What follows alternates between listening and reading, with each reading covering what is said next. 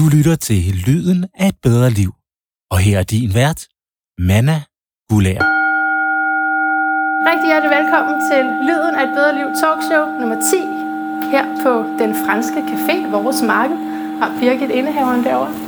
Det handler om sårbarhed i aften, så det, det håber jeg, I også gør her. Ja, der kommer.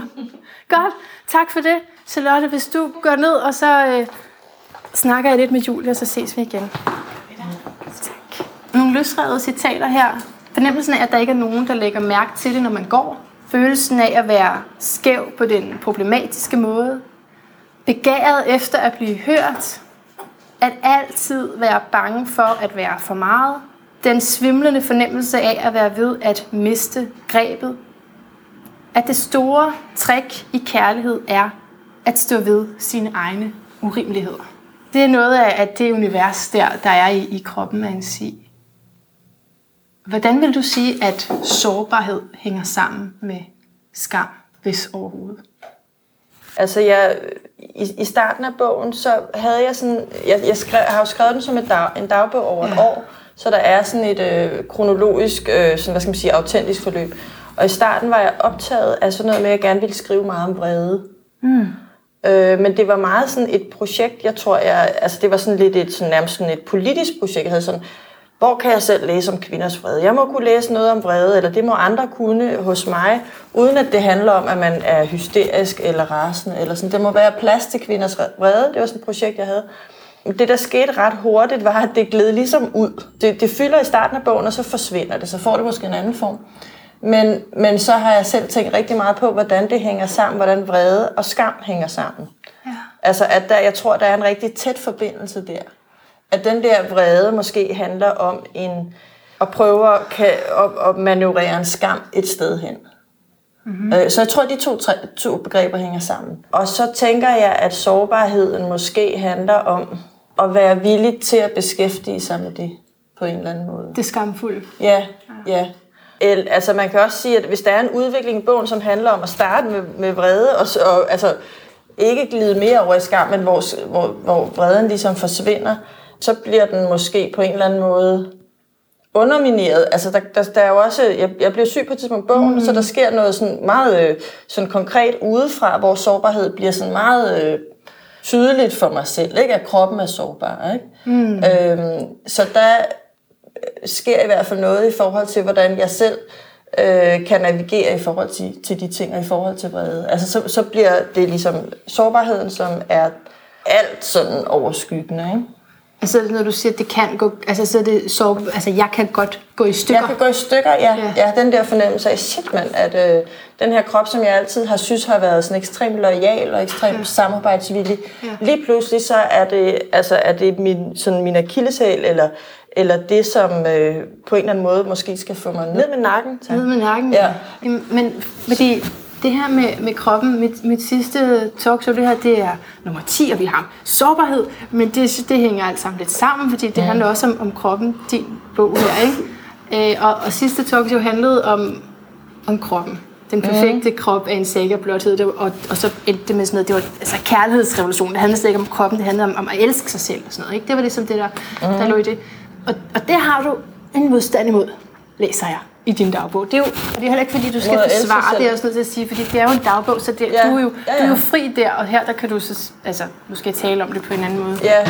Men, Hvad tænker du, jeg har en modstand mod? Jeg, har, jeg, jeg synes, jeg læser, at at du synes, det er for meget, at man skal, man skal elske sin krop? Nå ja, det er, i hvert fald en, altså, det er i hvert fald en slags diskussion, jeg har med mig selv. Ja. Øh, om, om man skal det. Altså det ene er, om man overhovedet skal det. At egentlig vil jeg hellere hen til et sted, hvor at jeg kunne være gå ud over det.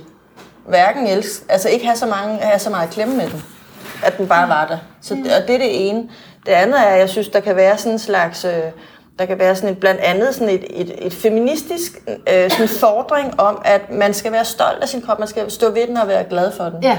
Og det kan jo være øh, relativt problematisk, altså hvis ikke man er det. Så der kan være sådan en konflikt, synes jeg, synes jeg oplever mig selv, sådan en konflikt mellem at, at ikke ville øh, være en, der ligger under for alle mulige øh, et eller andet... Øh, mands et eller andet, alle mulige idealer, som jeg synes er forkert, men jo alligevel ligge under for dem. Altså, mm. jeg kan godt have nogle, nogle øh, idealer om, hvordan jeg, gerne, hvordan jeg hellere vil være, men, men jeg er jo stadig født og vokset op i en bestemt alt muligt Ja, altså, muligt. det, du vil ikke være, altså kroppen skal ikke seksualiseres, men samtidig man har et ønske om at blive begæret. Ja, ja, og samtidig det er jo øh, virkeligheden, som den er, ikke? Så ja, ja, ja, det synes jeg er en konflikt, så det er sådan en slags diskussion, som jeg jo har inde i hovedet hele tiden. Ja. Ja. I på det tidspunkt, eller hele Nej, tiden, hele er generelt. Hele tiden. Altså, og, og sådan mere eller mindre, I ikke? forhold til kroppen. Ja. Ja. ja, jeg synes, det er sådan en evig forhandling med, hvordan jeg øh, gerne vil have, den med, have det med den, og hvordan jeg har det med den, og hvordan jeg synes, jeg burde have, den, have det med den. Ikke? De tre ting behøver slet ikke at Det, hænge sammen. det stemmer ikke sådan overens. Ikke nødvendigvis. Så i perioder, så gør det jo. Ikke? Altså, Ja, ja. Men, og, og det her sygdom vel også en indvirkning på, forestiller jeg mig, at så altså bliver forholdet til kroppen et andet. ja, så bliver det et helt andet. Jeg tænker virkelig, at der sådan er to, altså, to kropsoplevelser. Ja. Altså det ene handler om sådan hele det der med den seksualiserede krop og være begæret og ikke være begæret. Det andet handler om den raske krop. Mm. Så det er sådan, øh, i virkeligheden er det, altså, hænger det slet ikke sammen for mig. Det er to, to øh, forskellige sådan, øh, gear eller sådan. Ja. Du skriver også, at, at kød kun findes i Bibelen og i frysedisken. Nå, men det var fordi, jeg synes, at... Ja, men det var fordi alt det der, fordi jeg, jeg fik jo sådan et sov og sådan noget betændelse, Ja, ja, og så ja. ja. viste det sig, at det var MRSA, og så var det meget farligt og sådan noget, og så skulle jeg opereres. Øh, og så, så der, jeg blev meget sådan optaget af det der med kødet og vævet, men så gik det bare op for mig, at det hedder ikke kød, det man har på kroppen, det tror jeg bare, det gjorde. Nå, det hedder okay. så muskler eller sådan noget. Altså, kød det er sådan noget, Og der, der... Ja, Eller hvad? Det tror jeg også er sådan noget, læger Ja. taler om. De taler ikke om kød. Nej, Okay. Jo, så det, var, det er bare sådan en... ja, ja, ja. Altså, ja. det har man så i Bibelen, men man har det jo selvfølgelig også i en, måske herovre, ikke? Af- Af kød og En blod. rullepølse eller sådan noget. Ja. Ja, det er jo sådan bibelsk, ikke? Ja, okay. Ja. Øh, og, øh, og, og hvad, så, du siger også, at kroppen er som væv. Eller kroppen er væv, ligesom teksten er væv. Hvad har, hvad har krop og tekst med hinanden at gøre? Ja. Det kan jeg også godt blive lidt usikker på lige nu. Jeg, jeg tror, at, altså, der, det, det, jeg tror bare, jeg var lidt optaget af, at det hang sammen sprogligt. Ja, ikke? ja, ja. Fordi, at, øh, hvordan er det nu? Altså, tekstur er jo også væv, ikke? Ja, okay. Der er ja, sådan et ja. eller andet overlag. Altså, jeg kan ikke huske det. Altså, måske jeg skrev, var, det, var jeg klogere, da jeg skrev om det. Ja, og det er også det, jeg har tænkt på i, i forberedelsen til det her, at det er, sådan, lidt- det er lidt, lidt strengt på en måde at spørge til, fordi det er en dagbog, ikke Det er også lidt ligesom at blive eksamineret i den, og jeg Ja. kan ikke så godt huske det hele. Nej, det forstår jeg godt. Ja. Det forstår jeg godt. Men, men så lad mig spørge til det, altså hvordan er det, at øh, din, øh, din dagbog ligger der? Øhm, Altså, altså, at alle kan læse den? Og... Ja, altså det, det synes jeg nu er fint. Det synes jeg, altså det har været en meget speciel proces, og selvfølgelig har du ret i det der med, om kan man skrive øh, om ting, der går rimelig tæt på, hvis man tænker på, at en chef læ- læser med.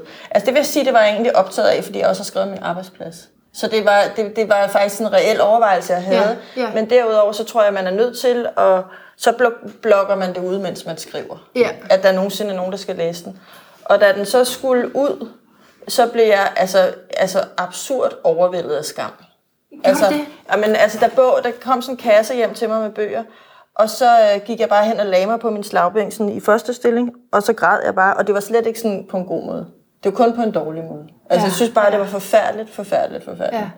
Så det var sådan... Øh, Sådan, shit, hvad har jeg gjort? Ja, og det hvad? er jo, altså det kan man sige, det er på en eller anden måde at lige komme meget i kontakt med en sårbarhed. Ikke? Ja, ja, øh, helt ja. sikkert. Altså, og, men så er det jo, det er lidt ligesom det der, du siger, når du inviterer til sådan noget her, eller når man inviterer til fest, at det er ekstremt sårbart. Øh, og der er ligesom kun de andre, der kan løfte den der, øh, mm. den skam væk fra ens skuldre. Ikke? Mm. Øh, men det var, jeg, jeg har sjældent følt mig så, så men altså man kan sige, det, det som jeg er sårbar omkring, er jo ikke så meget, altså jeg er også rigtig sårbar ligesom på det litterære, eller på kunsten i det. Jeg er Ja. bange for, at den skal ligesom fejle som, som værk. Ikke? Øhm, så, så når der så kommer nogen og siger, at øh, de kan bruge det til noget, det der står, eller at de får en eller anden form for æstetisk oplevelse, og da der kom, sådan, altså, da der kom den der blåstempling fra, i forbindelse med anmeldelser, Ja. så, så forsvandt den. Ah, okay. Og det er sådan ret underligt, og det er jo ret, jeg, jeg ville jo rigtig gerne have det sådan, at, at det var jeg ligeglad med, Ja. eller det betød Ja. ikke noget. Men, men der kan jeg jo godt mærke, at der også var noget i klemme i forhold til øh, altså andres modtagelse, mm. andres oplevelse af, om det Altså, om de ville være med til min fest eller, eller mit arrangement. Altså, ja. hele det der ja. sådan, ikke? Ja, ja. Er det ikke meget sigende for, altså, hvad sårbarhed egentlig er, og ikke bare i forhold til en bog, men altså, sådan, modtager I mig som Jo, det her? jo, nu det står tror jeg jeg helt og klart. viser det her. Ja. Er det okay? Jo. Jo, men det tror jeg helt sikkert, det handler om. Hele tiden, er jeg alene, eller er der nogen, der ligesom har min ryg? Ja, Altså, ja. Det tror jeg, det, det hele handler om nærmest, altså, Ja. Så, så, så, hvor, så hvor ligger sammenhængen mellem, så du siger, sårbarhed og skam? Hvad så med sårbarhed og anerkendelse? Altså, er det, er det så opløsning? Det er bare lidt sådan, jeg Ja, tænker nu, ja, at ja, hvordan det sådan... Ja. anerkendelse opløser sårbarhed, eller hvad? Er det så ikke sårbart længere? Nu, Altså, nu det, det, det er som om, så- at, ja, at det, det, kan ikke, det kan ikke blive lige så sårbart igen, faktisk. Nej. Altså, jeg tror, at jeg, man et eller andet sted er, er jo bange for, at verden ligesom styrter sammen, når man gør det. Og når den ikke gør det, så er der noget, man er over. Altså, så en gang for alle, eller Ja. ja. sådan, ikke? Men, men og så, så kan man sige, at det der sådan med anerkendelse fra andre, er jo desværre sådan noget, der kun har sådan begrænset varighed. det er det er ligesom om, det, man løber tør for Jo, det, ikke? jo. Så starter for, tvivlen jo forfra, Ja. ikke? Så ruller det igen med, om det er godt nok, ikke? Ja, Så det er jo sådan et øh, altså ongoing projekt. der kommer jeg til at tænke på det, du skriver om øh, det her med at gøre noget nyt, og at øh, da du underviste for første gang, eller de første gange, folk var sådan, ej hvor sejt, at du tør. Men så er det blevet Ja. almindeligt. Og nu skal, du, nu, skal du, nu skal du finde din anerkendelse et andet sted fra. Ja, ja, det er rigtigt. Men, ja, men det er rigtigt nok. Altså, det, det er jo altid forbundet med en form for ru, øh, øh, rus og for ros, ikke? Altså, Ja. sådan det der, når folk siger, man, at man tør noget generelt, så tænker jeg, så har man det rigtig tit sådan, at, at, at det, jeg gør, er jo ikke noget, jeg er bange for at gøre. Det er noget, andre er bange for at gøre. Så når folk siger sådan, hvor er det sejt, at du tør, så er det altid også sådan lidt, Nå, for mig er det ikke farligt. Mm. Altså, for andre vil noget være farligt. For mig vil noget andet være farligt. Ja. Ikke? Så det, men, men, det, men det er jo dejligt, fordi man får sådan positiv øh, øh, feedback eller opmærksomhed på det. Ikke? ja. Men den, den dør jo så ligesom ud, det er rigtigt nok. Men, men spørgsmålet er jo, altså man kan sige, når jeg nu, øh, så begyndte jeg at undervise, og så fik jeg sådan øh, en eller anden reaktion på, hvor er det flot, du tør det. Men det var jo dejligt, men det var selvfølgelig ikke ligesom drivkraften i, i at gøre det. Altså Nej. det var fordi, det var sjovt i sig selv, Ja. eller fungerede i sig Jo. selv. Det var ikke sådan, øh, så det er ikke sådan, så jeg er nødt til at finde Nej. et nyt job, hvor at nogen synes, at det er vildt eller sådan. Nej. Altså, Og det er igen det ved dagbogsformen, altså fordi det, var, det er en tanke omkring det. Men Ja. uden at være essensen i det, så er det ligesom Ja. noget, du, du stykker sammen på den måde. Ja. Hvorfor, hvorfor kunne du egentlig ikke skrive det her i autofiktion? Altså også sådan, som om det ikke helt var dig. det er jo også en roman. Det er en roman. Men det er en lille smule uklart, altså hvordan eller hvorfor. Er det dig? Ja, ja, det er mig. Er det 100% dig? Ja, altså, ikke? Kender man dig, når man har læst den? Nej, nej. Nå. Nej, nej.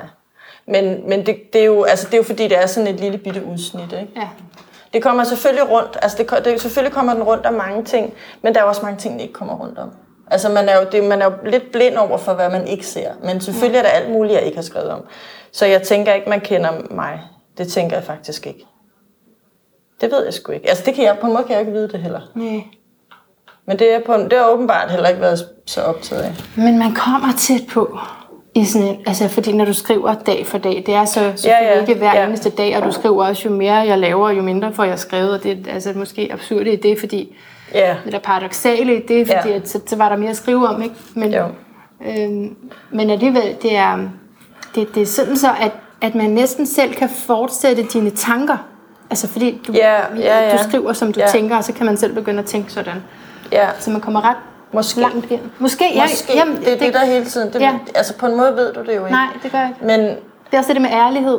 Altså, Ja. fordi du sagde, da vi mødtes før, at øh, ja, du kan sige, det ærligt, men du ved, du ved jo ikke, hvor ærlig jeg har været egentlig. nej, altså det synes jeg, altså, men, men jeg har diskuteret det der med ærlighed med nogle forskellige, fordi jeg også med min sidste bog fik at vide, hvor den, sådan noget, alt det der med hudløst ærlig og sådan noget, og jeg, jeg reagerer meget kraftigt på det, fordi jeg forstår ikke, hvordan folk ved det, eller hvordan de ikke, altså hvorfor de tror, altså, det er jo kun mig, der ved, om det er ærligt, så det kan jo aldrig være noget, andre ligesom dømmer det, ærligt eller uærligt.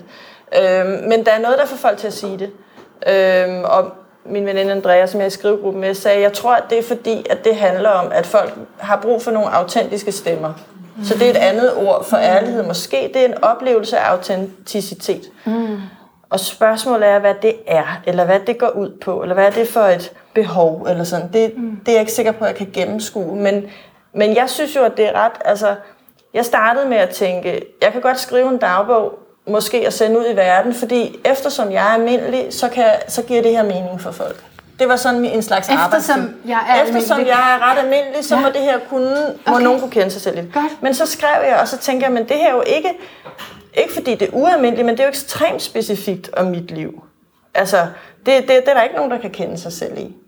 Men det viser sig så, at det er der. Og det for mig er sådan lidt, lidt, myst, lidt mystisk. Altså, hvorfor folk kan det. Men jeg tror, at det det, ærligheden handler om. Det handler om genkendelse. Så det, er det, Ja. det er noget med det der med, det er også det, altså alt det der med, om det er fiktion, eller det er, mm. hvad det er.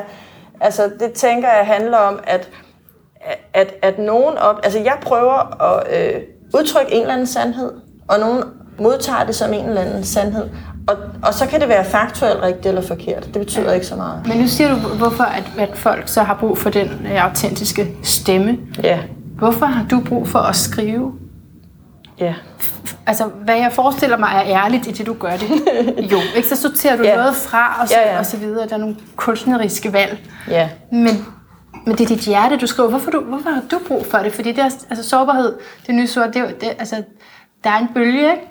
Jeg ved ikke, om måske- der er en bølge, men det kan godt være. Mås- I nogle sammenhæng, altså, og mås- måske især på arbejdsmarkedet, er den ikke, altså sådan i arbejdslivet, men i litteraturen Ja. er det meget ofte, at, at man kommer helt ind bagved.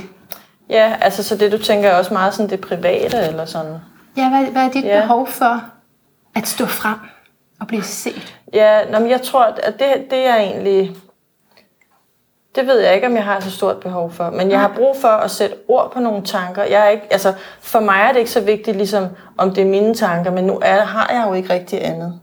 Og jeg kommer, jeg tror, altså, jeg, jeg kommer ikke til at skrive, altså fantasere mig, altså til at, jeg kommer ikke til på den måde at opfinde universer. Så for mig handler det jo bare om, at, at jeg har brug for at prøve ligesom at, at næle nogle ting i mit hoved. Mm. Og jeg har brug for at gøre det i en form, som, hvor jeg synes, jeg får styr på det. Mm. Og hvis jeg skal have styr på det, så skal det også øh, så skal det blive til en tekst, så skal det have noget kvalitet i sig selv.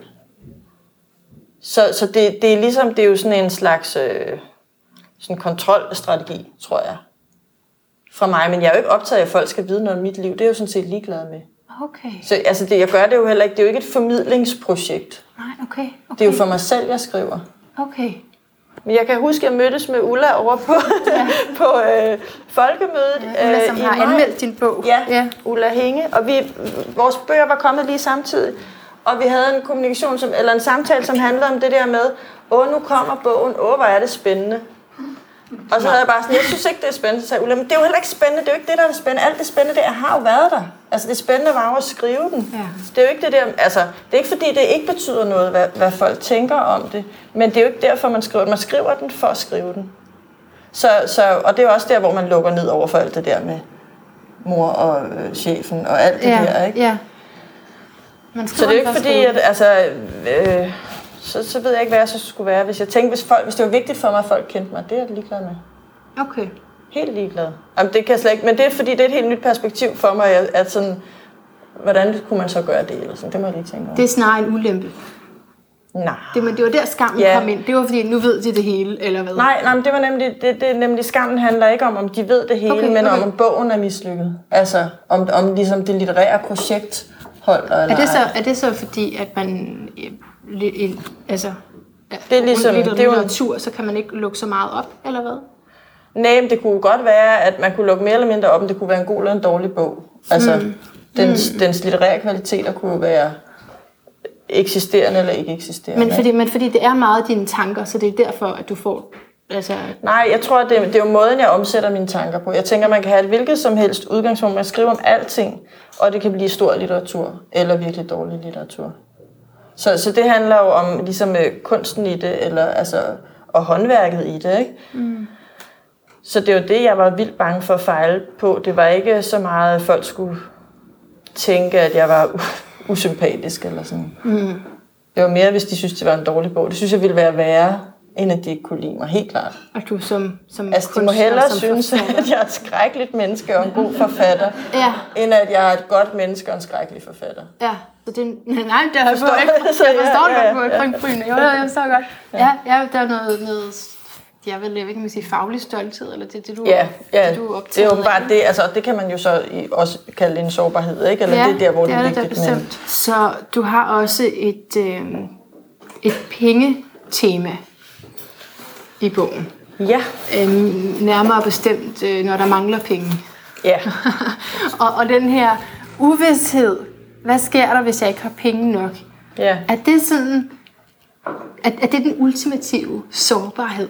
Uvidsheden. Jeg kan ikke styre det, hvis jeg ikke har nok. Nej, nej, jeg tror, at mit, mit største problem med penge er ligesom øh, følelsen af kontroltab. Altså det er jo helt klart også et spørgsmål om skam, hvis jeg ikke altså, har styr på det. Altså så jeg er ikke, jeg er ikke så utryg over sådan nogle penge. Hvad er det nu, der sker i bogen? Der sker et eller andet. Som, Nå, men det, er det, det, med, det er noget, vi skal lave et gulv. Er det ikke, altså der er, der er en, en pengeproblem, fordi Ja. at, øh, vi har fået lavet en... Nogen har glemt at lukke, og det er selvfølgelig mig for vandet i sommerhuset, Ja. så er hele, hele huset er, Ja. har, er svampekontamineret. Og det skal nogen betale for, og det er delvis mig, fordi Ja. at forsikringen ikke dækker. Og det er forbundet med, med skam, fordi det er jo øh, kontroltabet i det, altså at have fejlet på en eller anden måde. Ikke? Så jeg tror, det er det, jeg har problem med penge. Jeg er ikke bekymret om penge, sådan, altså en lille smule gang imellem, men det er jeg Ja. ikke vildt bekymret om det. Men, men jeg synes, at det er enormt øh, skamfuldt og pinligt, når, når jeg på en eller anden måde... Altså for eksempel fik jeg engang et brev fra skat, hvor der står, du skylder, jeg havde det sådan lidt, åh, måske får man et par tusind tilbage, det ved man aldrig, så stod det, du skylder 86.000. Ja. Og det var noget af det mest altså, skamfulde, og jeg var helt altså, lammet altså, af chok over det der med, at have kunnet altså, altså, øh, se bort fra nogle, nogle fakta, som jo lå. Altså Ja. have kunnet navigere sådan imellem, hvad skal man sige, øh, fakta eller sandheder. Ikke? Ja, Det var forbundet med stor skam altså for mig. sat, sat et, et filter op. Ja, sådan et- ja sådan, så jeg tænkte, måske nu. 2500 tilbage. eller Ja, sådan men nej. Okay, men, men uanset om, om du sådan dit, dit virkelige liv er øh, bange for, altså med, med penge her, så, så, så synes jeg jo, og det er jo så også, man læser jo sig selv ind i det. Mm. så den her sådan, altså, løse ansættelse, som du på et tidspunkt har, og, og frygten for det, og frygten som det, med dine kollegaer og sådan noget. Mm. Der, er noget, jeg synes, der er noget, noget uvidshed, der går igen. Altså frygten Ja. for, hvad skal der ske? Og jeg har det her, jeg skal holde styr på, og, og du elsker dit job Ja, og vil gerne, og det og, og, og, og, ja. og, dit hjem og sådan Ja. noget, ikke? Øhm, ja. Skal jeg sige lidt Ja, om det? Altså, men der lidt. skete jo det, altså, at jeg, jeg blev ansat på pædagoguddannelsen som timelærer, og alt gik super fint og sådan noget. Så lige pludselig så kom der besked om, at der skulle være en masse fyringer. Mm. Og at dermed var min, min ansættelse også meget truet, kan man sige. Og for mig var det på en eller anden måde, der var det et, et chok, fordi jeg var vant til altid at tænke, at, at man ligesom får det job, man har gjort sig fortjent til. Ja. Og at man skal, hvis man er god nok, så, øh, så har man for eksempel arbejde. Ja. Og det der med at skulle orientere sig i forhold til, at der var nogle strukturelle betingelser. Og nu kommer jeg næsten til at tale som når jeg underviser, fordi jeg underviser også hele tiden de pædagogstuderende det her med, hvad gør man, når man, man vil gerne gå rundt og tro, at man selv kan bestemme alting i sit liv. Og det er vi måske nogen, der har levet ret meget med at tro, vi kunne. Og så kommer der pludselig noget udefra, ja. eller oppefra, Ja. eller hvad man skal kalde Ja. det. Ikke? Og jeg tror, at den usikkerhed, og den også frustration, og også en form for i øvrigt, altså vrede over sådan en følelse af uretfærdighed, over at ikke selv længe, længere kunne bestemme mm. alting selv. Mm. Den tænker jeg, at nogle mennesker har oplevet før i deres liv, end jeg har. Men, men jeg gik stadig rundt og troede, at jeg var min egen lykkesmed, mm. eller sådan. Ikke? Det havde gjort jeg mig utrolig mange tanker om, det der med, hvad når tingene ikke længere er retfærdige? Og retfærdigt betyder jo også, hvad når jeg ikke længere er privilegeret? Altså, hvad, Ja, hvad, det- når, hvad når jeg ikke bare kan navigere igennem systemerne efter for godt befindende? Ikke? Det er jo det er jo en virkelighedsmodel, ikke? Det er et verdensbillede. Ja, virkelig, det er sådan her, virkelig. det, er sådan Ja. her, det hænger sammen. Ja. Nej, det var det så ikke. Nej. Og, sådan, og lidt sådan noget, altså, jamen man kan, man kan blive og gøre, hvad man vil, hvis, og hvis man er god nok, så er det det, det afhænger af. Ikke? Jeg tror, jeg tænker bare, at jeg stod sad med nogle studerende dag, hvis man er vokset op med to arbejdsløse forældre, så må man have et andet blik på, hvad der, hvad der styrer. Måske. Altså, så må man have en anden fornemmelse øh, for, for struktur, end jeg måske nogensinde har haft. Altså, øh, fordi jeg bare ligesom har været som en fisk i vandet i de systemer, jeg var i. Ikke? Ja, så, så, så skriver du et sted, at det er vilkårligt, hvem der får Ja, for eksempel. arbejde. Ja. Det der med at kunne se, øh, at, at kolleger, som gjorde deres arbejde godt, øh, kunne ryge ud, fordi vi også pludselig var en del af sådan et stort system, som vi var. Ja, ja. Øh, altså den der vilkårlighed, altså for, det var, altså, måske var det bare mig, der vågnede op til sådan noget med altså samfunds et eller andet. Ja. Og forstå, øh, forstå noget om, hvad jeg er en del af. Ikke? Mm. Øh. Mm. Men det, det, har, det fyldte enormt meget i det år, synes jeg. Hele noget med at selv at gøre sig fortjent og være god nok, for det betød meget, fyldt meget i starten. Gud, jeg kan noget her. Nå nej, jeg kan ikke noget. Åh oh, nej. Og sådan noget. Hvordan bliver jeg bedre? Du, du, du. Og så pludselig kommer der sådan et system udefra og siger, Nå, det er måske det lige meget, hvad du kan. Altså, ja. måske ryger du bare, ja. fordi vi ikke har nogen penge, øh, eller fordi det lige blev dig. Ikke? Ja. Ja, så det er det store billede kontra ja, det lille, det er ligesom lille følelse. og strukturerne, der ja. ligesom... Øh, jeg mestrer det. Ja. Det er lige meget. Ja, ja. ja.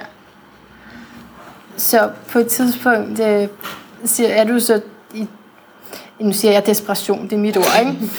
det er umuligt, ja. det, man kan læse det som desperation, øh, hvor du vil, øh, hvor du tænker, okay, jeg skal bare have et job, så jeg, jeg skriver ud til, jeg tror det er dem, du oversætter for, jeg skriver ud til, til de her arbejdsgiver, at jeg mangler et job nu.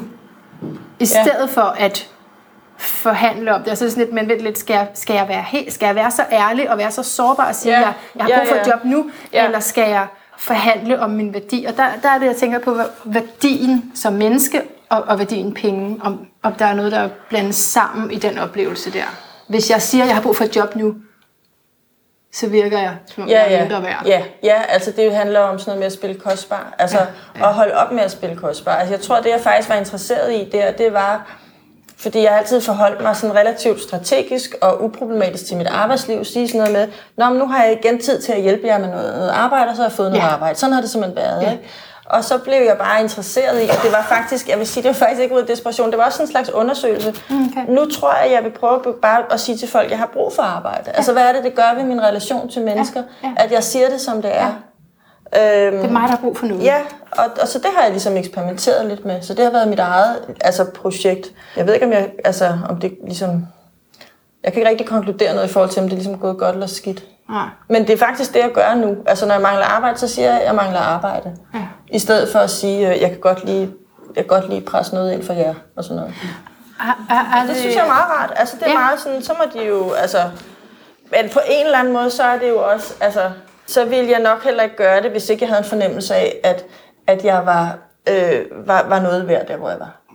Altså, det er baseret på, at jeg kan godt komme med det, og jeg har et eller andet i banken, ikke? Altså, mm. det tror jeg, det er. Ellers, øh, ellers ville jeg føle mig mere... Øh, så, sådan, så ville jeg, hvis jeg ikke havde noget på en eller anden måde, ja, øh, at, at putte ind i det, så, så ville det være meget svært. Hvis du ikke havde noget Nå, men jeg tror bare, at jeg, nej, jeg har bare sådan, ja, ja hvis, ikke, hvis ikke jeg tænkte, at de faktisk også gerne ville give mig noget arbejde. Ja. Det er lettere at komme og sige det, når man tænker, at de, de rigtig gerne vil beholde De kan godt lide Ja, præcis. Ja. Ikke? Ja. Så det er jo ikke sådan, det lyder jo sådan meget øh, rent, men det, det er jo stadig en del af en eller anden form for øh, overvejelse om, altså ikke at sætte mig selv i en eller anden helt vildt sårbar position, hvor jeg står. Ja. Jeg bliver jo heller ikke ved at spørge de samme om arbejde. Altså, hvis der ikke er noget et eller andet sted, så bliver jeg ikke ved at spørge de samme. Ja. Altså, så bliver jeg ved at male mig selv op i sådan et, så bliver det jo desperat, ikke? Mm. Mm. Ja. Er der nogen som helst lektie eller gave ved ikke at have nogen penge? Og at møde den uvidshed fuldstændigt? Ikke at have nogen penge? Ja. Fordi, men det er jeg, fordi, jeg, jeg læser jeg, en frygt for ikke at have penge. Nå, ja. Men det, det... altså, det, altså, jeg har altid, jeg, jeg, jeg har jo altid, altså, jeg, hvis jeg bekymrer mig lidt om økonomi, så kigger jeg bagud og siger, hvordan er det gået de sidste 10 år af vores liv i forhold til økonomi? Det er altid gået fint. Mm. Så, så generelt, så... Altså, det nej, er simpelthen mere ikke frygt er der ikke. Nej, nej mere frygt nej, er der ikke. Nej. Og, men det er, min, altså, det er min strategi, det er at sige, hey, nu bliver jeg lidt bekymret. Hvordan plejer det at gå? Det plejer at gå fint. Okay. Okay. Så og jeg er jo heller ikke, altså jeg har jo også, jeg bor sammen med en mand, som også har en fast indtægt. Ja. Men min egen, jeg kan også bare kigge tilbage på min egen indtægt, så har den også været fin de sidste 20 år, ikke? Så, så. Men er, der, der er en del bekymringer i bogen. Jo, jo. Hvordan, det godt, hvordan ja. har du det med at skrive dem ud? Altså, hvad, hvad gør det at skrive sine bekymringer ud? Fordi en fare kunne jo være, at de blev forstærket. Men det kan også være, at de, så er de bare væk. Jeg tror, jeg, jeg er ikke sikker på, at det hverken får dem til at forsvinde eller forstærker dem faktisk. Jeg tror, jeg skriver om dem også ligesom for at undersøge dem. Altså det er det der med, det er også hele det der med, om man tænker, at Altså, hvorfor, altså jeg tror, altså jeg skriver jo mest bare for at skrive, ikke? Altså det jeg gør, er ligesom, at jeg beskriver ting. Jeg undersøger det, beskriver det. Jeg prøver ikke at ændre det ved at skrive om det. Prøv at få lidt styr på det ved, nu har jeg det her på papir, okay. Mm. Jeg tror ikke, det hverken, jeg tror faktisk ikke, det hverken forstærker eller får bekymringen til at forsvinde. Det tror jeg faktisk ikke. Når du læser selv, kan du så... Jamen, det, gør, Det gør du ikke. Nej. Nej. det gør jeg ikke, Nej, for det kan, nej. det, altså, en lille smule skam kan det godt være der, eller et Ja, eller andet ja. forbehold af det. Ja. Fordi så, så vil spørgsmålet være, om du så kunne, kunne genkende dig selv. Men det, Ja, måske- jamen, jamen, det, vil- det, det kan jeg godt. Ja. Jeg har jo selvfølgelig altså sådan bladret hurtigt i den. Nå, ja, det var dengang. Men ja. øh, der har, jeg Ja. spurgte engang en masse forfattere om det på Facebook, og der var simpelthen folk, de var bare sådan, nej, nej, jeg rører aldrig, nej, nej. Altså der, kom, altså, der var meget sådan, øh, nærmest sådan, øh, øh, altså sådan øh, af, afsky, eller sådan, altså folk havde det meget følelsesladet, og mange havde det altså meget anstrengt med deres bøger. Så jeg tænker, at det er okay at have det sådan, fordi det er der også andre, der har. Ja, og så kan vi andre have det godt, Ben. Ja. Tak for nu, Julie. Top Nørgaard. Mit livs største tierspring. hedder din seneste bog, og du er så ved at arbejde på din øh, femte bog, og du cirka, hvad er det, 100 sider inden, står der meget præcist på din hjemmeside. ja, Præcis, Altså så ikke engang cirka, der står, du er 100 sider inde Ja. i den. Ja. Som handler om din, ja. den bog, du arbejder på. Hvad handler den om? Øh, ja, det er også sårbart, Ja. faktisk, at tale om en bog, man ikke er færdig Okay, med endnu. ja, okay. Men det ja, kreativitet Ja. og at skrive Det er noget personligt. kreativt. Ja. Ja. Og bruge sårbarhed. Præcis. Formentlig. Det skiftes ikke, eller det ændres lidt. Charlotte, nu sagde du uh, latter som din lyd af et bedre liv. Mm. Og, og man uh, småklukker jo også til dine bøger. Øh, hvordan hænger det egentlig sammen, sårbarhed og humor?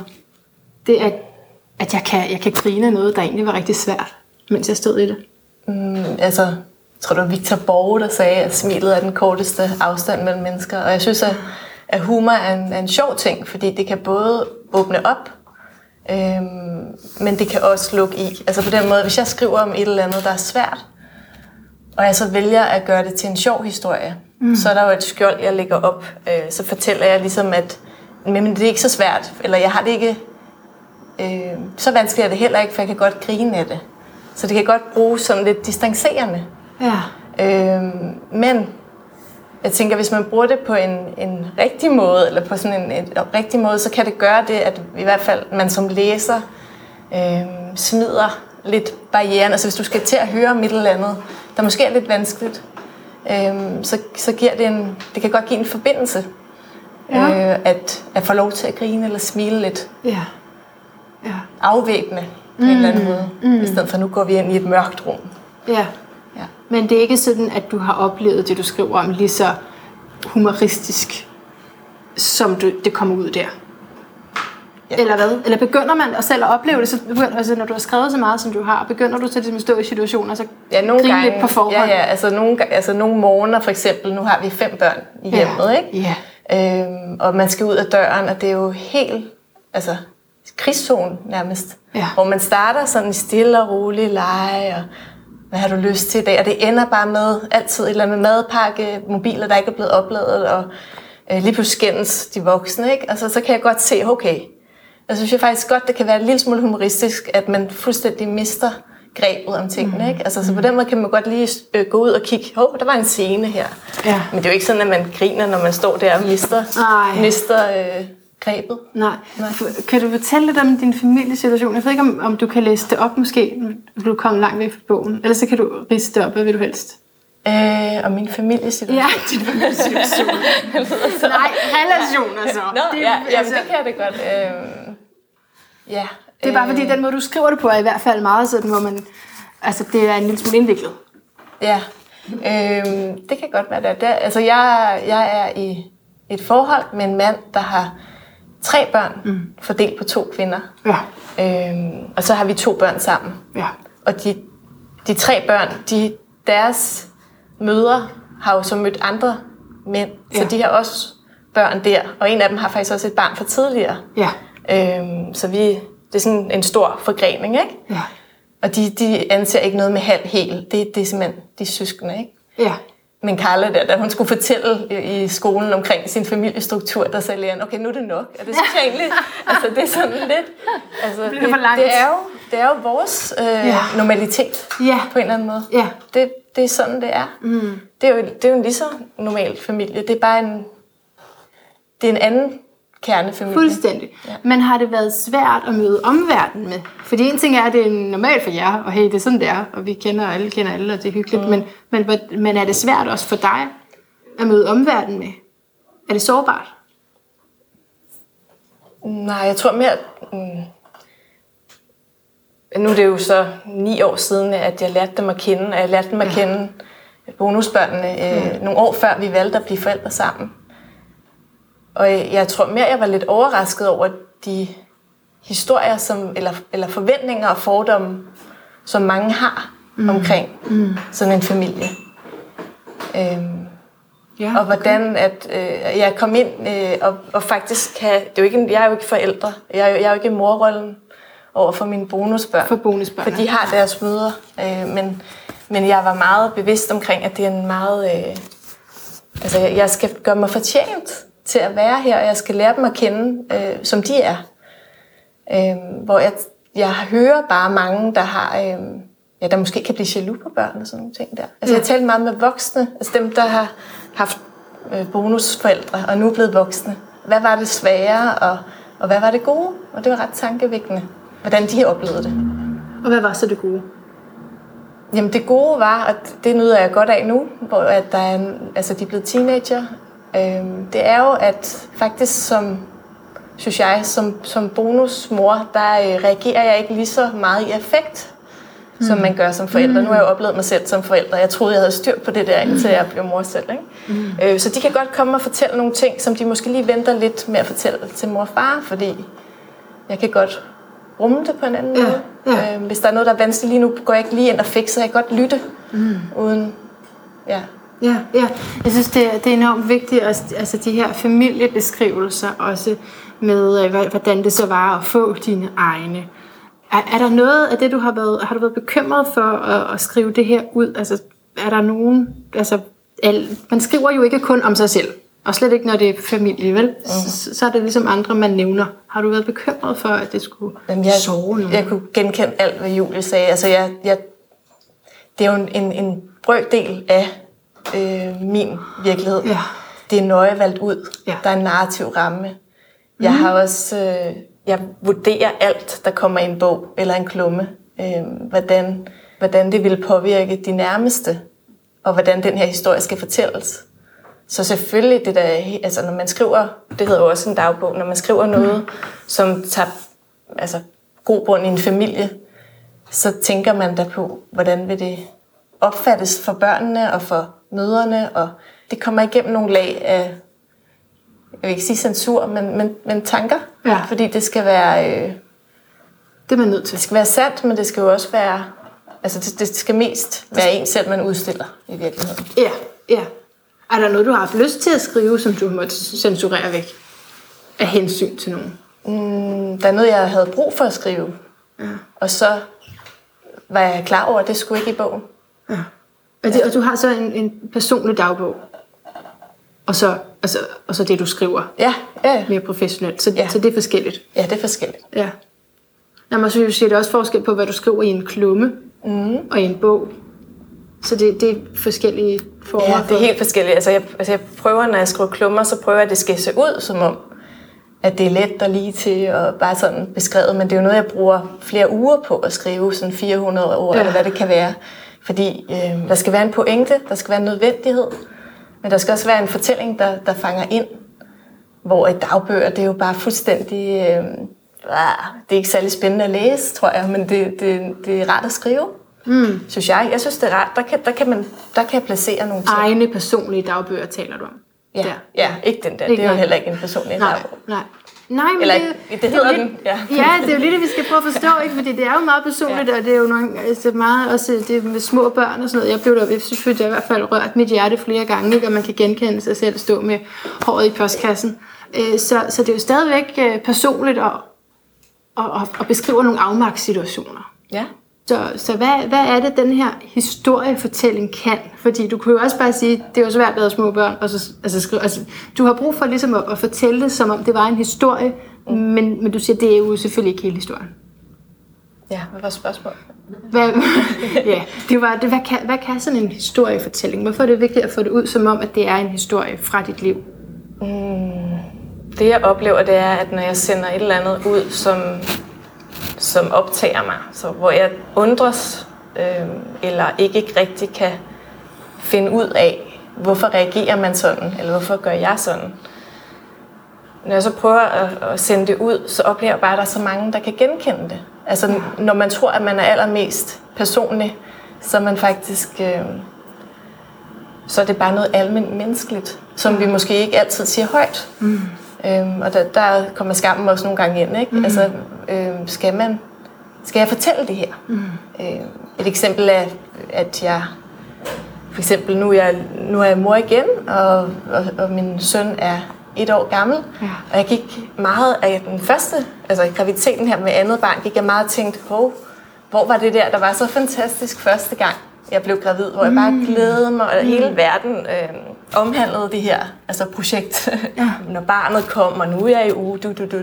Og det var bare, øh, det var slet ikke, det var nærmest, ja, altså vi havde travlt, og ja. der var ikke den forbindelse, jeg følte, at det var måske en forkert reaktion. Og så fik jeg jo at vide, at det, det, det er der andre, der har. Så det havde jeg brug for at skrive om, da det var faldet på plads, og barnet var kommet, og alt var mm. godt. Mm. Hvordan, øh, hvordan det kan være svært øh, at være der. Så, så det, Men ja, det, og det, du skriver om det, det er jo så inspirerende for andre. Men mange af de ting, som står i mit livs største tigerspring, er jo ikke særlig inspirerende. Og kan ikke være skrevet mm. med den intention at inspirere. Nej. Hvad, hvad, er det så for en, hvad er det så, der motiverer dig til at skrive, hvis det ikke er inspirerende? Ej, det er også strengt det, ja, det kan jo godt inspirere nogen, jo. mere mener. Det, nej, det kan nej, det, det Men, det, det er jo, men det du tænker, det er jo, jeg er jo ikke eksperten, der ja, kommer og siger sådan, det er ikke rollemodel. Sådan, sådan skal du være mor eller bonusmor eller en god kæreste. Bestemt ja. ikke. Jeg har ikke, på den måde har jeg jo ikke svarene. Nej. Jeg har bare øh, min oplevelse af tingene og en forhåbentlig udvikling. Ja. og, øh, jo jo. øh, så så ja, jeg, jeg kommer ikke og siger, gør sådan, så bliver du en rigtig god mor, Nej. eller bonusmor. Jeg siger bare, prøv at fortælle den rejse, der kan være. Ja, øh, okay. Og, og hjem til en selv, og, og, ja. og sådan, så man kan være til stede med dem, som man elsker i sit liv. Ikke? Mm. Så, så din intention er stadigvæk at inspirere, bare ved at fortælle din historie? Eller? Mm. Altså, jeg, mm, ja, det, det er et rigtig svært spørgsmål, fordi jeg sender selvfølgelig ikke noget ud, som jeg ikke håber vil have en læser, der finder det relevant mm. og interessant. Det kommer bare et andet sted fra. Mm. Når, når det er, og det er også der, jeg rammer dem, rammer dem, der læser med mest. Når jeg ikke tænker over, hvad jeg vil opnå hos dem. Okay. Altså når jeg ikke ruder okay. rundt over ja. i, i det. Og når du åbner op selv. Ja. Til en vis grad. Ja. ja. Hvad er det fede ved at have samtaler med sig selv på skrift? Mm. Og mange af de ting kunne jeg jo spørge om også ikke til Julia. Det, det jeg sad og så blev svaret på de spørgsmål, du fik. ja. det, det fede er, synes jeg, øh, jeg tænker også især i dag, hvor vi har sådan en meget travlt verden, og ja. hvor der er meget sociale medier. Vi får hele tiden at vide, hvad andre tænker og føler, og øh, mange, mange input.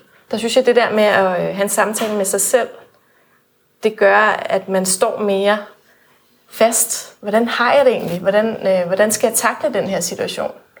Jeg er sådan en, der skriver mig frem til erkendelser. Mm. Øhm, nogen taler sig frem til det, eller tænker sig frem til det. Jeg synes, det at skrive, det gør noget, noget helt vildt fedt øhm, i den der frie form ja. i dagbogen. Ikke? Ja. Jeg tænker på, kan der, kan der gå lidt konkurrence i, eller inflation i, at skrive, eller at være, øh, leve øh, uperfekt? Altså, hvor uperfekt skal det være? det kan også blive meget voldsomt, og det er jo der, sådan, det der med inspirationen, det kommer i forhold til udviklingsrejsen, men, men hvorfor skal vi se så meget af det der? Ja. Jeg ved ikke, altså det er jo ikke... Øh, eller svære, eller ja. ømme. Og det er jo også alt, efter, man læser, ikke? Men. Jo. Øhm, jeg ved ikke, hvorfor at vi tror, at vi skal være perfekte. Altså, jeg, jeg ved ikke, hvor det er kommet fra, eller vi tror, at de andre har styr på det hele. Men det, og jeg siger ikke, at, at uh, vis, din, uh, vis din uperfekthed. men jeg kan bare mærke, at det, det befrier lidt, når jeg mm. hører, at jeg kom også til at råbe i går mm. af mit barn, mm. eller jeg, øh, så har jeg lige stået og undervist i mindfulness, og så gik jeg hjem og eksploderede. Ikke? Altså, det, Ja. Ja. øhm, Ja. Ja. Ja. det er bare sådan lidt, nå okay, Ja. Ja. det, du er også et menneske, mm. og jeg er også et menneske. Okay, godt. Øh, kan, vi, kan vi møde hinanden der? Og Ja. så, Så det er for at befri andre for at, at skulle være noget, de ikke er, eller altså være en, noget lidt andet, end de egentlig er. ja, bare være, bare være, være her, med Ja. det man er. Ja. Kan du følge mig i det der med, at det nogle gange kan blive sådan, altså, at det er en konkurrence om, at hvem der er mest uperfekt? Mm. Om det så er en mødegruppe, der taler sammen, eller hvem, og jeg har heller ikke fået, og jeg har overhovedet ikke gjort, og det der har jeg aldrig tænkt på, det har slet ikke styr på det der. Altså, det, kan, det kan også blive meget sådan øh, understreget, altså, Ja. hvor lidt tjekket jeg er. Men det er jo, der kommer humoren måske igen ind. Ja. Altså hvis du ikke, hvis det bare bliver sådan øh, distanceret, øh, jeg ved ikke, om jeg kan kalde det en konkurrence, men, men hvis det bliver sådan meget, øh, vi overgår hinanden, Ja. så er det jo ikke sårbart længere. Så øh, hvis, hvis, hvis det er en uperfekthed, der ikke er sårbar, mm. men er en, så er det faktisk en ny facade, Ja, det er faktisk En godt, en- det er sådan. Ja. jamen så er det igen en fortælling. Ja. Mm, ja, det kan, ja, det kan jeg godt se. Og så bliver, det, så bliver det det her skjold, som du taler om, som kan være meget godt, med ligesom at gøre det til noget humoristisk. Men så er det ikke sårbart. Nej. Jeg har selv, altså jeg har selv øh, kunne se det på meget, altså ikke meget, men, men noget af det, jeg skrev tidligt. Ja. At det var, det var den der haha, sarkasme, Ja.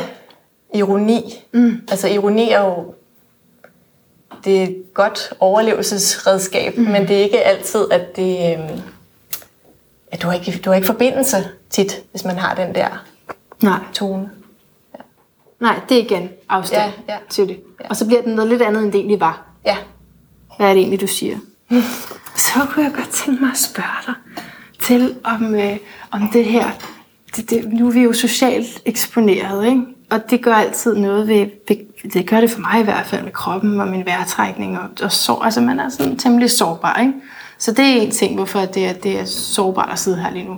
Men øh, kan vi tale lidt om en anden grund til, at det også er sårbart at sidde her lige nu, og, og især møde øh, Julie?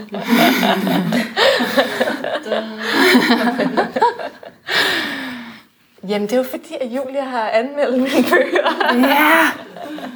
Ja. Mine, mine to første bøger, mm. som var, øh, hvad hedder det, det, det blev til på en, en blog, Ja. blogbøger, så det var jo egentlig ikke ment. Det var ikke meningen, det skulle blive til en bog. Det var ikke det. Men det var så godt, at det blev det. Ja, det synes Julia ikke. Ej, det var faktisk lidt sjovt, fordi at, at det var, øh, det var sådan nogle... Det, jeg husker dem bare meget tydeligt. Jeg husker navnet, og det var engang... du husker anmeldelserne, Julies anmeldelser. Ja, men det har faktisk gjort noget godt, fordi det har gjort, at jeg, jeg får, nu har jeg nogen, der filtrerer på forlaget og siger, hvad, hvad jeg kan læse og ikke læse, fordi jeg, jeg synes, det er rigtig godt. Jeg synes, det er rigtig fedt at få feedback, når man kan gøre noget ved det. Ja. Og, og, og, og det er konstruktivt, ikke? Men, men nogle anmeldelser, nu er det ikke specifikt dig overhovedet. Der sidder Øh, flere anmeldere herinde, kan jeg godt ja, røbe. Ja, og det, det, er jo, der. det er jo tit, jeg er også uddannet litteraturvidenskab, så det kunne, Ja. ja. det kunne også være sket for mig. men, Ja. men, øh, men, men, øh, men det der med, når man så er kunstner og skriver bøger, så bliver man nødt til at finde ud af, hvordan man, øh, man, man putter noget sårbarhed ind, men man også passer på sig selv, så man bliver ved med at skabe. Uanset. Og, og, og det er jo et grundvilkår, at når vi sender noget ud i verden, nu fortalte Julie også så fint, det der med at bryde sammen, når den kommer ind ad døren, mm. ikke? og den der frygt for dommen. Mm. Øhm, den må være der, fordi hvis du er ligeglad, så... Øhm, ja, det kan jeg ikke forestille mig, hvorfor skal man så bruge så lang tid på noget, Ja. der... Øhm, Man er investeret i det. ja, det, det, det er det. Ja. ja. Så, så det er den her øh, vurdering, Ja, som er sårbar. Ja. Og som du siger, hvis man ikke kan gøre noget ved det, ja. så er det ekstra sårbart. Selvfølgelig. Ja, men man, bliver jo heller ikke, man kan jo heller ikke sådan... Den skal jo leve, man skal jo give slip. Øh, men, Bogen. Ja, Ja. ja, ja. Og det er jo ikke en anmelders job at give en... Øh, altså, andet end at sige, hvad, hvad synes man om Ja, det værk, man har fået. oplevelse. Ja. ja. Men, men har, du været, har, du været, har du prøvet at skrive for personligt og fortryde det? Altså har du prøvet at give for meget af dig selv? Fordi nu taler vi så om, om at skrive det, men det tror jeg, at man også kan genkende bare fra samtaler eller forhold. At man følelsen af, at jeg har vist for meget i forhold til, hvad den anden nu viser mig. Altså den der ulighed. Ja, altså fordi at det, min, øh, mit forfatterskab blev lidt født i en verden, der var sådan en blogverden, hvor at andre også skrev. Ja. Hvor at vi ligesom delte Ja. ja. historier. Det er så det var ikke sårbart på den måde. Vi var under pseudonym, så jeg skrev anonymt. Og, ja. og, og så når man lige pludselig står, og så sender det ud på en anden form, så er det, at man står der, hov, er der andre, der har tøj på her? øhm, Ja. Så det skal, man, det skal man finde ud af at håndtere. Mm. Øh, om du spurgte, om, om jeg havde fortrudt noget. Ja, har du prøvet altså, det? Jeg har prøvet de der følelsesmæssige tømmervand, hvor man bagefter tænker sådan, okay, var det nødvendigt, eller øh, var det lige, at, har det, gør det her noget godt, eller vil du bare øh, fortælle en historie? Er, er der en pointe med lige den her? Ja. Og øh, det oplevede jeg også meget, øh, når jeg skrev klummer for Femina Urban, som jeg gjorde i rigtig mange år, at der var det meget sådan, jeg havde virkelig deadlines hver uge, så, så nogle gange så kom der jo også nogle ting ud, hvor man tænkte, nej, nah, det behøver ikke kun at være det personlige, men bare i det hele taget, synes jeg, at, at Ja. den der rensagelse, øh, selvrensagelse i forhold til, hvad man sender ud. Hvad, hvad er egentlig godt at sende ud så? Altså hvilke historier kvalificerer sig? Hvilke personlige historier? For, fordi det er det gerne med, at det, altså, du, du går ikke ind og, og vurderer, hvad det skal give andre. Men man kan jo godt sådan lige tænke, den her, den er pointeløs. Det er bare mig, der gerne vil have sympati. Der kan jeg give dig mange sådan nogle historier, jeg har. Det er egentlig bare, hvis I skal lige synes, det er lidt synd for mig. Og det er jo måske ikke altså, Men det er jo specielt godt at sende ud. Nej, men altså for eksempel med klummer, det er jo måske det letteste eksempel i forhold til en bog, men, Ja. men der er der jo, der skulle der gerne være, øh, ikke en opsang, men en, noget, der kan vække debat, kan forarve, altså øh, at fortælle et eller andet, som alle øh, føler og er enige i. Mm. Det er tit øh, lidt kedeligt at læse. Altså der skal gerne være en lille overraskelse, der skal være et eller andet, der vækker noget eftertanke, synes jeg. Ja. Og det er så der, hvor det jo bliver ret konstrueret i forhold til dagbogen, ja. som mere er, at det var sådan her, det skete, og så kan du understrege noget. Ja. Ja. Men, men altså, får du nogle gange sådan lyst til at skrive en historie, hvor du tænker, men, men altså, der er ikke andre, der kan bruge det til noget. Jeg mener bare den der vurderingssag, altså det at selv at blive vurderet er sårbart, og du sidder også hele tiden selv og vurderer dig selv. Hvad, hvad giver mening at give videre? Og igen, det, det er både så, som forfatter, men jeg tænker egentlig også bare det, at når man taler til andre, så går der vel også sådan noget i gang. Nej, det, her, det behøver jeg ikke sige til nogen. Og der er sådan et filter, ikke? Der er sådan et sorteringsarbejde. Ja, Jamen, det der, det der er hos mig også. Ja, ja, ja. ja. Hvad kvalificerer sig så til at blive delt, vil du sige? I din optik. ja. Hvad er vigtigt at få ud? Det er sådan et meget stort spørgsmål. Jeg, altså, Ja. jeg tænker, øh, det, er jo, det afhænger jo af kontekst. Det afhænger af, hvis det er bare en samtale, øh, hvad, hvad, hvad, hvad er der behov for her? Er der behov for den her historie, mm. øh, eller er der ikke? Ja. Øh, du kan aldrig rigtig vide det. Nogle gange må man prøve sig frem. Ja. Øh, og som forfatter har man jo beta-læsere, der skal reagere på, Ah. hvad fungerer, hvad er kedeligt, hvad er for meget, hvordan, øh, hvordan virker hovedpersonen her. Øhm, Og hvad så, hvis du er uenig? Jamen, det vurderer jeg. Nogle gange, øh, så øh, omskriver jeg det. Hvis der er tre, der peger på det samme, så er der nok Nå, noget om okay, det. okay. Ja, Ja. så giver man sig. Men øh, det kan også være, at der er et eller andet, hvor man tænker, nej, så har jeg bare ikke forklaret det på en god nok måde. Eller jeg, jeg synes, jeg står inden for det her, ikke? Så beholder mm. man det. Du, du skriver i, i den her tierspring, øhm, som er, er virkelig sjovt skrevet, og som sagt også meget øh, rørende, synes jeg, at øh, man skal huske ikke at ruske moren, og det er sådan lidt sjovt, at du har, du har til hvert kapitel sådan noget, der kunne være skrevet til baby barn, og som du så skriver til moren i stedet for. Har du nogensinde haft lyst til at ruske moren? Altså, kan du, er du, bliver du sur på dig selv også over Ja, det, det, det ballade, du laver? Ja, altså det er jo fordi, synes jeg, at øh, når man bliver mor, så bliver man ligesom udfordret på alle parametre, som man måske troede, man havde fået styr på. Lige pludselig så taler man som ens forældre, og lige pludselig så, okay, øh, når mit barn gør sådan, så trigger det et eller andet i mig. Ikke? Ja. Øhm, så ja, nogle gange har jeg lyst til at ruske mig selv. Ofte. Ja. altså, og især når den overskud ikke er der, og, og tænker hurtigt. Fordi du kan ikke så godt sige til et barn på tre år, vent lige, jeg skal lige tænke over, hvad jeg svarer. Fordi det har konsekvenser for alt omkring dig. Altså, hvis du får, så skal du, og så... Øhm, så nogle gange, så, ja, du så kommer bare så hurtigt på, ja. på aftrækkeren, ja, ja. og det er ikke altid, at det er hensigtsmæssigt. Det, der så kommer ud. Nej, Nej. Øhm, men det er jo en altså det, ja. Det behøver man ikke skrive ned alt sammen, jo. det behøver man ikke. Nej, nej. Lad være med det. Alright. Mm. Tusind tak, Charlotte. Hej, Hase, og du bliver endelig bare siddende. Og, og Julie, så må du godt komme op igen. Så er det simpelthen tid til uh, spørgsmål fra jer, så uh, marker endelig, når der er noget. Hvem var det først? Var det Cecilie først? Nå, jeg, jeg, det var, jeg tænkte på, da I sagde, at det var det, I kunne skrive og sådan noget, at I ikke kunne finde på historier. Altså, jeg synes personligt, at det er, det er nemt at skrive om træer i brand og sige til folk, det her kan I opfatte, som I vil.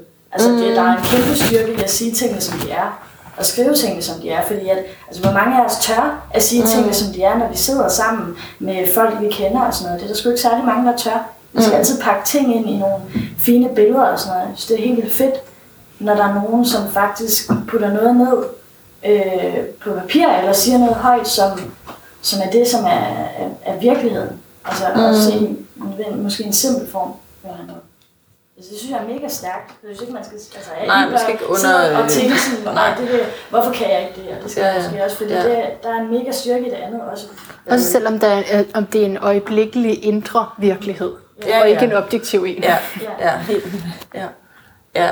Men enig, det tænker jeg, altså, det tænker jeg der også er, det der også legitimerer, at, at, man, at vi gør det, vi gør. Ikke? Det tænker jeg helt klart, selvom at jeg også undergraver det ved at sige, det er bare fordi, jeg ikke kan finde på noget. Sådan Jeg tænker selvfølgelig også, at det har en, altså, eller potentielt kan have øh, en betydning eller en værdi. Ja. Ja.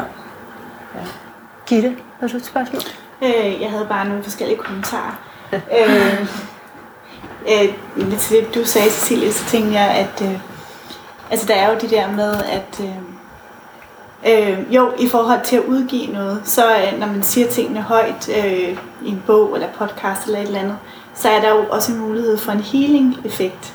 Altså i forhold til, at du får noget tilbage. Det kan få en masse negativt mm. tilbage, men altså ligesom vi også ser med Leonor og Christine, og det der, hvor at, øh, hvor bliver mødt så meget i forhold til mm. fortællingen om hendes mor, så man virkelig øh, kommer ud og får sagt alt det, man skammer sig over, og så bliver man bare mødt og grebet i det. Mm. Så man vokser af det og bliver endnu mere modig.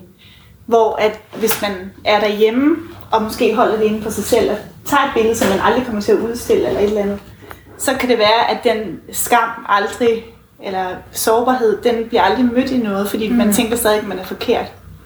Mm. Øhm, så det er i hvert fald noget af det, der kan være rigtig fedt ved at udgive noget, og, og blive mødt i det. Helt enig. Ja.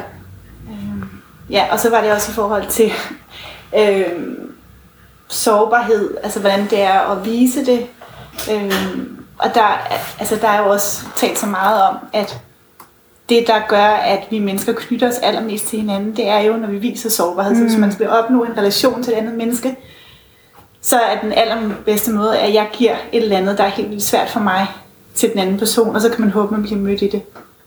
Så hvis mm. man skal prøve at øve det, så er det jo også noget med at finde ud af, hvad er det for en person, der vil møde mig i det her, og så langsomt rykke nogle grænser. Og det har jeg da prøvet med forskellige, blandt andet dig, men altså har i hvert fald også gjort det rigtig meget med det der med, man langsomt siger et eller andet, og så den anden er bare, det er okay, bare prøv at sige det. Og jeg er sådan, ej, jeg ved, hvad du vil tænke om mig, når jeg siger det her. Mm. Og så er det sådan, det har jeg det har jeg også prøvet, eller jeg har ikke prøvet det, men det er også okay, eller et eller andet. Så bliver man mere og mere modig. Mm. Og så er det jo, at man får dybere og dybere relationer. Mm. Øh, så det, på den måde er sårbarhed jo rigtig godt. Mm. Så det er det i hvert fald i forhold til at træne sårbarhed, svar på det. Ja, det er rigtigt. Mm. Ja, ja, og det er, også, det er jo også indbefattet, altså det, der er også en eller anden risiko i det, fordi som du talte om moralske tømmermænd, altså man kender også godt fornemmelsen, altså det er, der er en fare ved det, man kan jo også godt komme til at gå for langt, øh, og, og sige noget, som man har vildt meget brug for at sige, og så kan man godt mærke bagefter, at det var for meget for den relation, ikke? at man ligesom spændte buen for hårdt. Ikke? Mm. Så, så det er jo ja. også øh, Eller at, at det ikke er sådan en dans, hvor man nærmer sig hinanden, men hvor, den, hvor det bliver... Altså man selv synes, det er okay, men den anden var ikke interesseret i det, eller sådan, ikke? Så det er jo, kan jo, er jo også super smerteligt potentielt, ikke? Det er derfor, man ikke bare tænker... Altså det er bare fordi, det, det er sådan, ja. Ja. det skal vi klart gøre noget Ja. mere, men det er der jo grund til, at man ikke gør. Det er jo også farligt, ikke? Jo. Man kan sovs. Ja. ja, Men det fede er jo, når man kan stå, når man, hvis man træner det så meget, at man egentlig kan stå og sige, at jeg gør det her, uanset hvad der sker herovre. Ja, ja, ja. Og jeg ved godt, det er det ultimative og sådan noget, men Ja. der er bare en personlig power i det. Ja. Helt enig, ja. Har det ændret jer personligt? Fordi nu har I sådan snakket om, det er jo ikke terapi, og sådan, men, men ændrer det ikke en personligt at skrive de her tanker, bekymringer, overvejelser ned, uanset om det er, det er noget, I ser tilbage på? Det går jo ikke skriver det, mens I er i det, men, men der er noget, der bliver arbejdet igennem. Jo, jeg synes, at det kan, så kan jeg lægge det på en hylde. Det kan man selvfølgelig med en bog, ikke? Men altså, ah, så fik jeg styr på det. Altså, Ja, øhm, klart. Sådan er det også. ja, så fik jeg den samtale, og så fik jeg, ja, det, det gør noget. En måde at møde sig selv på, måske. Det sted, eller hvad? Altså, jeg oplever ikke så meget, at det ændrer mig, men jeg oplever den der fornemmelse af at få styr på noget og få ordnet noget. Ja. Og jeg, jeg, øh, jeg synes, det, jeg, det er for mig forbundet med utroligt. Jeg har som om hele det år, det er puttet ind i den bog, og det er enormt rart. Altså, så jeg er virkelig styr på det år. Altså, jeg ved Det er også lige, et år, der det der, jeg har, ja. Altså, og normalt så glemmer jeg alt muligt, men det der år, det har jeg totalt tjek på. Altså, Se- Selvom Julie, du faktisk skriver, at dagbogsformen er, du- der er du nødt til at give slip på kontrollen, Ja. ja. og give slip på meningen og sammenhængen. Helt sikkert. Men det er fordi, jeg skriver den undervejs. Ja. Ja. Men bagefter, så var Okay, det jo et godt. helt år. Så er det sådan, så, så er det øh, meget ordentligt, synes jeg. Ja. Ja, det, det, jeg er ikke et ordensmenneske, men med ord og med det der, der er jeg faktisk også den, der, der så Ja, fik vi lige sådan. lukket den der. ja. Alright, jamen vores tid er gået, så det passer simpelthen så godt.